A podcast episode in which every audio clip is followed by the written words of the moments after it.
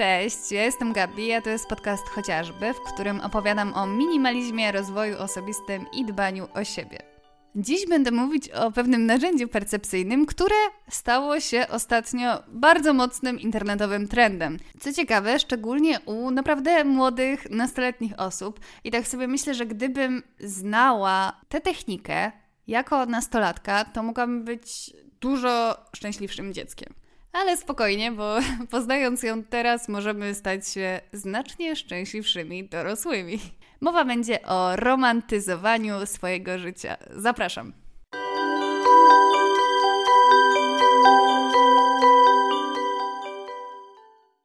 To wspaniale, że można o właśnie takich trendach, które pojawiają się w social mediach, mówić pozytywnie, ponieważ zwykle występują one w kontekście e, przestrogi przed e, niebezpieczeństwami i szkodliwością po prostu internetu, a tym razem jest to coś niesamowicie inspirującego, ekscytującego i uważam, że warto po prostu zainteresować się tematem, bo jest to prosty sposób na więcej radości z życia, uważność i poczucie życiowego sensu.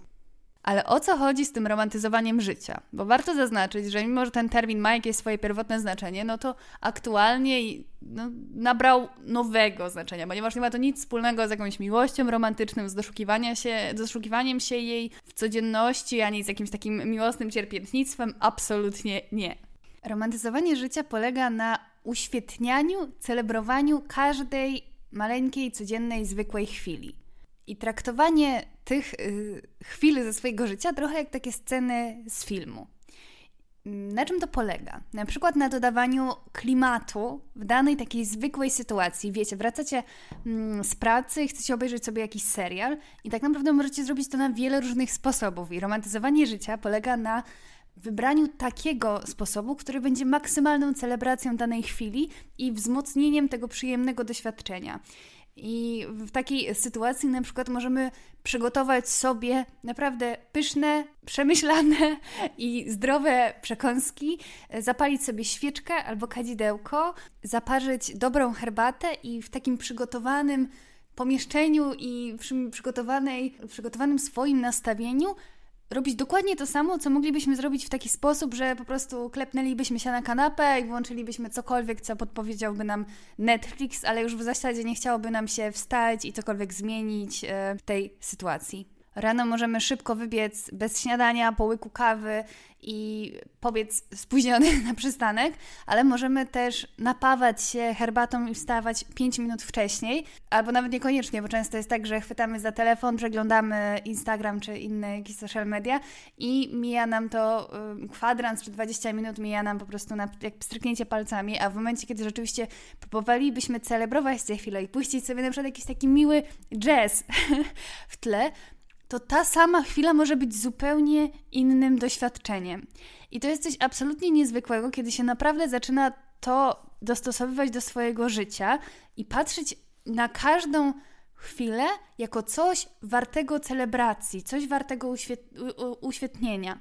Często myślimy, jeżeli mamy takie standardowe życie, jak większość ludzi, czyli mamy pracę i, i obowiązki, to że te wszystkie dni są dosyć podobne, no nie? I od nas tylko zależy, jak my przeżywamy swoją rutynę. I oczywiście możemy coraz bardziej się rozwijać, dawać sobie pewne nawyki i tak dalej, i, i być coraz lepszymi ludźmi w różnych, w różnych obszarach. Natomiast jeżeli my nie uznamy danych chwil za ważne, tylko za kolejny jakiś wypełniacz, za moment y, warty tylko zabijania czasu, to nikt za nas tego nie zrobi. I to się bardzo tak naprawdę wiąże z minimalizmem, o którym ja często mówię. Raz, że to jest skupienie się na doświadczaniu, ale dwa, że mm, kiedy ja opowiadam o tym moim minimalizmie, czyli tego kiedyś roboczo e, nazwałam, już teraz trochę przylgnęło, czyli minimalizm hedonistyczny, skupiający się na tym, żeby traktować siebie po prostu jak swojego najwspanialszego, najznamienitszego gościa w swoim życu, kiedy mówię o tym moim minimalizmie, często zaznaczam taki moment, który był dla mnie przełomowy w nabraniu takiego podejścia. Mianowicie u mnie się zaczęło wszystko od ubrań. To znaczy moja przygoda z minimalizmem jako takim ma swój początek swoje źródło, można powiedzieć, wraz y, z książką Magia Sprzątania, o tym opowiadałam nieraz, ale takim podstawowym elementem, znaczy zakresem, w którym y, minimalizm najbardziej był mi potrzebny, były to ubrania. To znaczy wtedy uważałam, że to jest najbardziej mi potrzebne i traktowałam minimalizm jako coś mm, tak ściśle związanego z rzeczami i oczywiście jest to coś ściśle związanego z rzeczami, no ale jeżeli słuchacie moich podcastów, to wiecie, że ta idea się po prostu rozprzestrzenia na wszystkie inne obszary życia. Mm, w każdym razie zaczęło się od ubrań i od tego, gdy ja zrozumiałam, że kiedy każdego dnia, ja miałam, ja miałam taki problem, że mi było szkoda dobrych ubrań, nie? Że ja kupowałam bardzo dużo, bardzo często i tanio. I nawet jeżeli miałam jakieś super ciuchy w swojej szafie, to mi było szkoda je nosić. I to nawet nie tyczyło się takich, wiecie, widowiskowych ubrań, typu jakieś y, sukienki, na które nigdy nie było okazji i tak dalej. Nie. Ja miałam na przykład jakiś super porządny, piękny sweter, i zawsze było mi go szkoda założyć, jeżeli na przykład tego dnia e, miałam tylko załatwić jakieś sprawy na mieście, jak to się mówi, i gdzieś tutaj polecieć do sklepu, do urzędu, coś tam. I uważałam, że to założenie go dzisiaj to by było zmarnowanie po prostu tego e, swetra, że jak będę mieć jakąś ważniejszą sytuację w pracy, jakieś takie spotkanie, mm, to wtedy, wtedy jest warto go założyć, no bo kiedy go zakładam w inne dni, to raz, że już jakby tracę szansę na założenie go w tym samym, te, takie miałam myślenie, że tracę szansę na założenie go w tym samym tygodniu, no bo w sumie jeżeli w podobnym środowisku go założę, no to taka, e, wtedy uważam, że to jest wstyd, e, że jeszcze ludzie pomyślą, że nie mam ubrań, no straszne rzeczy, ale też e, uznawałam, że wtedy może się zniszczyć, e, a, a, a ta okazja nie była na tyle ważna, żeby, żeby go zakładać i po prostu ryzykować, że na przykład go poplamię albo coś będzie wymagało prania. Serio, miałam takie myślenie. I wydawało mi się ono racjonalne, dlatego że no, myślałam, że skoro dzisiaj nikt specjalny miałby mnie nie zobaczyć, no to co za... to po co go zakładać, no nie? Lepiej go trzymać na okazję właśnie specjalne. I e, tym moim takim przełomowym momentem e, w postrzeganiu przeze mnie minimalizmu było to, kiedy właśnie zrozumiałam, że ja dla siebie nie byłam nikim ważnym. Nie byłam dla siebie nikim specjalnym, bo to, że ja siebie widziałam tego dnia przez cały dzień i ja na siebie patrzyłam i ja się jakoś czułam w tym swetrze, pewnie się czułabym świetnie, gdybym go założyła, to to nie było dla mnie wystarczającym po prostu powodem, nie? I nad tym bardzo e, długo pracowałam, żeby no, ta cała moja przygoda z, z ogarnianiem szafy, której efektem jest e-book, który właśnie kończę, ponieważ tak naprawdę od tego wszystko się zaczęło i później bardzo mocno analizowałam ten temat, bo okazało się, że w tym leżało tyle różnych innych moich problemów. To, jak traktowałam ubrania, swoją szafę, a tym samym pieniądze, które wydawałam na te ubrania i czas, który poświęcałam na zarobienie tych pieniędzy i to wszystko e, składało się w całość na to, jak postrzegałam siebie, swoje życie, na to, na co zasługuję i tak dalej. To stało się takim gigantycznym symbolem e, tego mojego podejścia do e, życia i dlatego też Później przestałam myśleć, że to są tylko ubrania, nie?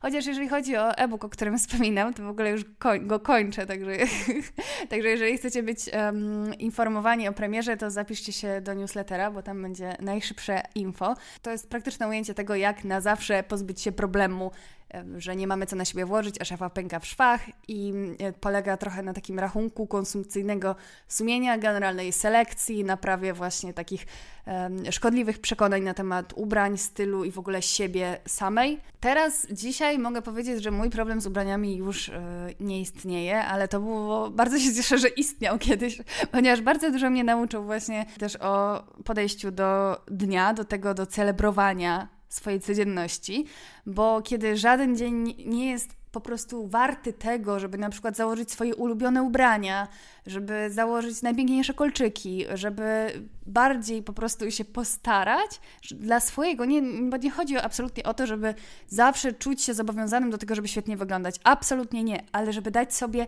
prawo do tego, że nawet jeżeli dzisiaj idę tylko w jedno miejsce, nawet jeżeli idę kuźwa do sklepu spożywczego, to dać sobie to prawo do tego, żeby na przykład mam ochotę się dzisiaj pięknie poczuć i to nie wymaga żadnej okazji. To nie wymaga tego, żeby akurat coś się ważnego działo w pracy i to wtedy wypada założyć sukienkę, nie? Bo w inny, w inny dzień to nawet tak trochę głupio, bo nie ma, nie ma okazji. A e, to wszystko, ta cała późniejsza droga pozwoliła mi zrozumieć, że jeżeli ja nie ochrzczę swojego dnia jako istotny, jako taki, który chce przeżyć po prostu najlepiej jak to możliwe, to nikt inny tego nie zrobi. I ten trend romantyzowania życia. Oczywiście nie wiecie, ja traktuję te ubrania, o których tutaj teraz zahaczyłam ten, o ten temat, e, w kontekście tego romantyzowania życia jako symbol. Bo oczywiście na to wszystko składa się mnóstwo innych czynników, ale wszystko, co może wpływać na to, jak my odczuwamy dany dzień, jest właśnie elementem tego, elementem celebrowania i romantyzowania swojego życia i nadawaniu znaczenia i wyjątkowości chwilom. Bo kiedy też zastanawiamy się nad swoimi wspomnieniami, to tak naprawdę najpiękniejsze często wspomnienia wynikają z tego, że jakaś dana chwila była celebrowana. Tylko, że my często wyrastamy, powiedzmy, po prostu żyjemy w takim przekonaniu, że to y, świat zewnętrzny powinien nam dawać okoliczności do celebrowania. I dlatego na przykład e, wieczerza wigilijna czy mm, śniadanie wielkanocne, nawet jeżeli jesteśmy niewierzący, to zwykle są bardzo takim wyraźnym, często bardzo miłym wspomnieniem i coś, na co czekamy, bo tak naprawdę jako ludzie kochamy celebracje, a jeżeli obedrzeć to wszystko, nawet jeżeli właśnie jesteśmy niewierzący, e, jeżeli obedrzeć to z celebracji, to to jest po prostu przecież jedzenie zwykle dosyć, dosyć zwyczajnych posiłków i często jeżeli taka sama sytuacja w takim samym gronie powtórzyłaby się, wiecie, z takim samym jedzeniem, z taką samą e, właśnie, mm, z takim samym towarzystwem w ciągu roku, ale bez tego elementu celebracji, to pewnie wcale nie robiłaby na nas jakiegoś wrażenia. I tutaj też takim w sumie czołowym przykładem jest Sylwester, nie? Często też mam, jesteśmy rozczarowani swoim Sylwestrem, nawet jeżeli byłaby to jakaś, ja tak miałam często jako nastolatka, bo miałam takie gigantyczne oczekiwania wokół, wobec tej okoliczności, no nie? Że każda inna impreza, no to trudno jak nie wyjdzie, w ogóle nie, nie trzeba było się do tego przyłożyć, ale Sylwester, no to wtedy najpiękniejszy strój, najpiękniejszy makijaż i ma być fantastycznie. I jeżeli te oczekiwania się nie spełniły, no to było rozczarowanie Także oczywiście ma to swoją też ciemną stroną, choć, choć, stronę, chociaż jeżeli to my decydujemy o tym, co celebrujemy, jak celebrujemy, no to ta ciemna strona zostaje zlikwidowana, dlatego że nie, nie musimy bać się o to, że wiecie, że jak odgórnie coś jest zaplanowane mm, tak kulturowo, że powinniśmy wtedy celebrować nasz czas, a my na przykład nie mamy wtedy nastroju, jesteśmy nie w humorze, mamy zły okres w życiu, to y, czujemy się źle z tym, że nie umiemy celebrować. A kiedy nauczymy się celebrować po prostu życie i, i, momenty, które sami wybieramy, bo jeżeli żyjemy, jeżeli nasze wspomnienia później opierają się tylko na takich momentach e, rozłożonych e, w ciągu roku, wtedy, kiedy wszyscy mamy obowiązek celebrować, to tak naprawdę sami skazujemy całą resztę naszego życia, czyli jakieś 95% na to, żeby to było tylko właśnie takie wypełnienie czasu. I o tym też trochę wspominałam w odcinku Przestań odliczać do weekendu, kiedy traktujemy na przykład wszystkie dni tygodnia poza tymi weekendowymi jako coś, co trzeba jakoś przetrwać i po prostu przebrnąć i żeby już był weekend i żeby mogło być fajnie. No i wtedy to jest znowu taki w sumie moment y, wymuszonej celebracji, czyli wtedy, kiedy mamy wolne i zwykle mamy bardzo dużo oczekiwania. Ja tak kiedyś miałam, że jak tak na odpierdziel przeżywałam tydzień, to bardzo czekałam na ten weekend. Po prostu marzyłam o weekendzie, przechodził, mijał w mgnieniu oka, a ja w ogóle nie czułam się usatysfakcjonowana i często miałam takie wrażenie zmarnowanego czasu, że przecież miałam weekend, miałam tyle właśnie wolnej przestrzeni i na przykład nie zrobiłam nic, co, co, co byłoby godne właśnie tego czasu, nie? I taka nauka celebrowania tej, y, tych malutkich chwil w życiu, zarówno przyjemnych, jak i takich związanych z obowiązkami. Na przykład y, ten trend na romantyzowanie sobie życia jest często y, ujmowany we vlogach, w których ktoś się uczy. To jest w ogóle bardzo popularne właśnie wśród takich osób, powiedziałabym, w wieku licealnym albo wczesno-studenckim kiedy mm, w sensie na YouTubie jest tak popularny w tym kręgu i to jest coś fantastycznego, bo Jezu, jakbym miała do czynienia z czymś takim jeszcze byłoby popularne, to e, w czasach moich e, szkolnych, to myślę, że mogłabym być, no mogłabym mi lepiej iść w nauce. Nie, żeby szło jakoś szczególnie źle, ale miałam różne momenty w życiu i ja nie widziałam żadnej nie umiałam w życiu znaleźć żadnej radości w uczeniu się. A teraz to, jak jest to przedstawiane właśnie na przykład na tych vlogach i jak podchodzą do tego ludzie, e, którzy gdzieś tam kultywują ten e, trend, to jest coś absolutnie niesamowitego, bo poza takim celebrowaniem właśnie momentów miłych, tego, kiedy jemy na przykład posiłki po prostu zwykłe, pijemy herbatę, oglądamy filmy, czytamy książki, e, spacerujemy, to wszystko kręci się wokół tak naprawdę uważności i to też jest coś wspaniałego, dlatego że no, uważność to jest zdecydowanie taka umiejętność, mam na myśli taką uważność bycia po prostu tu i teraz w tej chwili, to jest taka umiejętność deficytowa w dzisiejszych czasach, ze względu na to, że jesteśmy cały czas gdzieś tam online i jesteśmy myślami po prostu zupełnie gdzie indziej i przeżywanie dokładnie tej chwili, w której jesteśmy, a to jest dużo łatwiejsze, kiedy zaczynamy ją celebrować, bo kiedy próbujemy po prostu przeżywać to, że leżymy właśnie i oglądamy sobie serial i tak od niechcenia, to trudno być tak dokładnie w tej chwili, bo nic nas tutaj jakoś nie urzeka specjalnie właśnie w tej sytuacji. A kiedy my sprawimy, że ta sytuacja będzie urzekająca, to aż się chce nią napawać. I ja też bardzo zauważyłam to, kiedy jechałam z moimi rodzicami na wieś i nagle okazywało się, że właśnie takie zwykłe momenty, jak picie sobie rano herbaty albo jedzenie jajecznicy, że to było dla mnie tak niesamowicie przyjemne na różnych poziomach. I zauważyłam, że to właśnie wynika z takiego celebrowania tych małych rzeczy, które są, kiedy tam jesteśmy odcięci od internetu i od wszystkich innych spraw, tylko właśnie jest to skupienie na danym momencie. I zresztą moja mama też jest, e, bardzo Cię pozdrawiam, bo wiem, że tego słuchasz, też jest osobą, która niezwykle dba o klimat danej sytuacji. I to jest coś pięknego. I ja na przykład trochę to e, przejęłam, ale tylko w sytuacjach, kiedy ktoś był na przykład właśnie moim gościem, a zrozumiałam, że to można jak najbardziej praktykować, kiedy się jest też samemu. Że nie jest do tego potrzebne towarzystwo. Oczywiście e, zwykle jesteśmy nauczeni tego, żeby tak mm, uprzyjemniać właśnie, czy tam wizytę naszych gości, po prostu ich doświadczenia związane z e, tym, że jesteśmy gospodarzami i chcemy być jak najlepszymi, więc to jest dosyć częste, ale tak jak mówię e, zwykle właśnie o minimalizmie. Dla mnie minimalizm jest tym traktowaniem siebie na co dzień jako tego wspaniałego gościa, o którego chce się zadbać, o którego przede wszystkim doświadczenie chce się zadbać, żeby wyszedł z naszego domu po prostu zadowolony z tego, jak został potraktowany z największą starannością. I to jest niezwykle rozwijające i takie zmieniające kompletnie swoją relację ze sobą samym kiedy nauczymy się tak siebie traktować i to właśnie takie celebrowanie życia, to co teraz jest ujmowane jako romantyzowanie y, życia, przez patrzenie na takie zwykłe momenty jak na film, przez podkładanie nawet sobie soundtracku do, do jakiejś sytuacji, kiedy puszczamy sobie jakąś y, cudowną muzykę do sprzątania albo do czytania książki. Ostatnio, y, kiedy, kiedy miałam właśnie taki spokojny, niedzielny poranek, puściłam sobie jakąś playlistę właśnie z takim miłym jazzem, zapaliłam sobie kadzidełko i nagle poczułam, że ta sytuacja jest zupełnie inna. Zupełnie. Zaczęło wypełniać mnie po prostu takie, wiecie, uczucie takiej radości, kiedy, które czasem, czasem mi się pojawia tylko właśnie w jakichś takich ze, przy zewnętrznych okolicznościach sprzyjających, że tak powiem. A okazało się, że jestem w stanie sobie budować po prostu taką, taki klimat samotności, kiedy z pełną starannością przeżywam daną chwilę. Nie tylko wtedy, kiedy ktoś przychodzi, kiedy e, chcę, chcę komuś zapewnić dobre doświadczenie, tylko że mogę sobie w takim zwyczajny, właśnie zwykły czwartek, w którym nic się ma nie wydarzyć, jeszcze przede mną następny dzień w pracy i to jest moc. To jest naprawdę pewna moc, jeżeli zaczynamy tym operować, ale przede wszystkim to jest, y, tak jak wspomniałam, tak budujące w relacji ze sobą samym, sprawiające, że naprawdę czujemy się kimś ważnym, kimś ważnym przede wszystkim dla siebie. To buduje taką troskliwość, takie poczucie, że że ktoś cały czas o nas dba.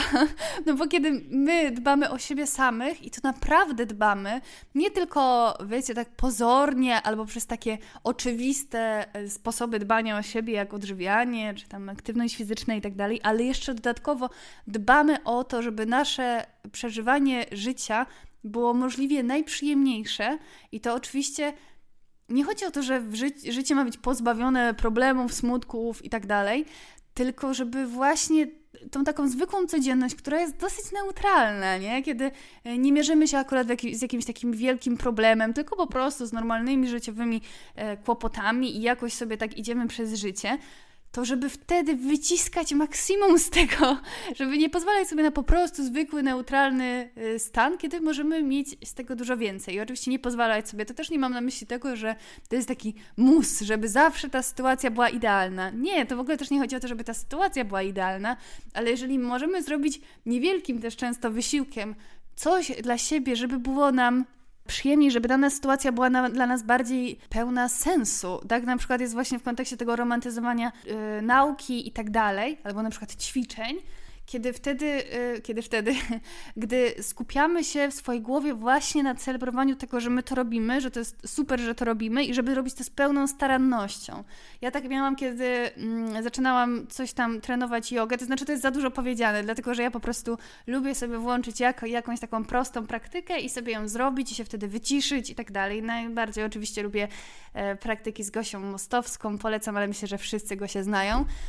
I także żaden, żaden ze mnie jogin, ale, ale lubię to robić i kiedy kiedyś próbowałam zrobić to, wiecie, jak, jak najszybciej, mm, no z jogą to jest szczególnie idiotyczne robienie czegoś jak najszybciej, ale trochę tak było, że chciałam jakoś to zrobić, nie? A e, dane jakieś pozy czy coś, a w momencie, kiedy się najbardziej skupiłam na tym, żeby czuć czuć to wszystko i z pełną starannością wykonywać nawet najprostsze ruchy, to przykładanie właśnie starań do takich prostych rzeczy sprawia, że te rzeczy przestają być proste pod takim kątem, że przestają być zwyczajne, przestają być byle jakie.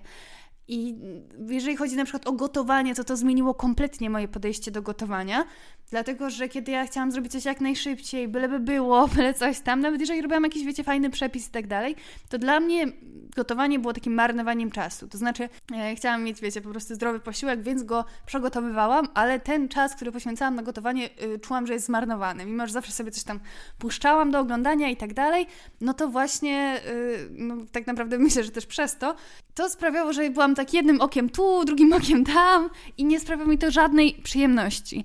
A w momencie, kiedy zaczęłam traktować to właśnie romantyzować te chwile e, starannego krojenia, starannego mieszania, smakowania, kiedy zaczęłam puszczać sobie w tle jakąś taką, e, jakieś, e, jakąś playlistę, która mnie na, nastroi pozytywnie, to ta chwila, zwykła chwila zaczęła być przyjemna, zaczęła być taka pełna różnych emocji, no i przede wszystkim tej uważności, a kiedy przykładamy do czegoś starania, to tym bardziej skupiamy się właśnie na tym, żeby być tu i teraz. I to jest też tak niezwykle zdrowe dla naszej głowy, która często jest przytłoczona różnymi przemyśleniami, dylematami, przyszłością, przeszłością.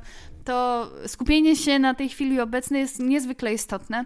I ja na przykład o tym słyszałam od wielu lat, o tym, jak uważność jest ważna, ale nie umiałam za bardzo tego wprowadzić, no bo nic mi to nie mówiło, co to znaczy być tu i teraz. Próbowałam różnych takich e, sposobów, jak na przykład skupianie się na odczuwaniu wszystkich zmysłów i to jak najbardziej jest fajny sposób, ale no, no takie przełomowe w tej kwestii okazało się właśnie celebrowanie każdej chwili. Oczywiście, że to nie jest tak, że, y, że to jest, y, trzeba się zmuszać w ogóle do tego, żeby każdą chwilę przeżyć jak najlepiej jak się da. Absolutnie nie, to w ogóle nie ma nic z tym wspólnego, tylko że kiedy mamy taką możliwość, to po prostu spróbować i zobaczyć, jak nam będzie i jak inaczej wtedy się w ogóle patrzy na swoje życie, na swoje dni. I też ciekawym elementem tego konceptu romantyzowania życia jest traktowanie chwil z niego jak scen z filmu. I to jest y, świetny patent w takich sytuacjach, które są niekoniecznie jakieś przyjemne. Na przykład, kiedy rano jedziemy, jeszcze jest ciemno i zimno i jedziemy do pracy przez pół godziny i nie jest nam no, za przyjemnie. I wtedy, kiedy puścimy sobie jakąś nastrojową muzykę i zaczniemy wyobrażać sobie, że to naprawdę jest scena z filmu, którą, której my podkładamy soundtrack i możemy sobie wyobrażać, po prostu podkręcać swoją wyobraźnię tej sytuacji. I też to, że nasz, nasza uwaga wtedy się kieruje w różne, w różne miejsca, kiedy obserwujemy po prostu, zaczynamy trochę patrzeć tak na świat innymi oczami, no nie? I mieć takie narzędzie percepcyjne gdzieś w tyle głowy, z którego możemy czasem korzystać, E, częściej, czasem rzadziej, ale po prostu mieć świadomość jego, jego po prostu użyteczności, tego jak możemy sobie poprawiać swój poziom po prostu życia bez w ogóle oczekiwania na to, że jakieś czynniki zewnętrzne nam to ułatwią. Jest no, niezwykle cenne jest po prostu posiadanie tego, e, świadomości tego, e, tego narzędzia, bo wydaje mi się, że no, nie sposób, żeby ono zupełnie nie działało, nie? żeby ono zupełnie nie wpływało na, na wasze odczuwanie życia, bo nawet, nie wiem, branie prysznicu, nawet mycie zębów, wykonywanie makijażu, sprzątanie, gotowanie, oglądanie um, filmu, czytanie książki, ćwiczenie, spacerowanie, te wszystkie czynności można robić na tak różne sposoby, Tylko, że przez to, że one są tak dla nas rutynowe, są codzienne i nam się wydaje, że to jest cały czas to samo i trzeba to po prostu odwalić w większości przypadków, no to wtedy nie czujemy, że my mamy taką moc na, um, jeżeli chodzi o, doświad- o manipulowanie, że tak powiem, swoim doświadczeniem, a właściwie sterowanie y, swoim doświadczeniem. A no, mamy bardzo dużą. A jak wiecie, świadomość to jest po prostu słowo klucz chyba wszystkich moich podcastów, bo świadome kreowanie swojego życia nie polega tylko na sterowaniu tymi zewnętrznymi czynnikami, którymi oczywiście możemy sterować, albo swoimi, wyłącznie swoimi nawykami i tym, co robimy, ale też tym, co czujemy. I tym miłym akcentem zaczyn zaczynamy ten odcinek. Zaczynamy. No tak, Gabrysiu, zaczynamy. Kończę ten odcinek. Dziękuję bardzo za słuchanie. Zapraszam standardowo na moje social media, chociażby i do zapiski na newslettera na moim blogu chociażby.pl. Życzę udanego dnia, tygodnia oraz życia. Pa, pa!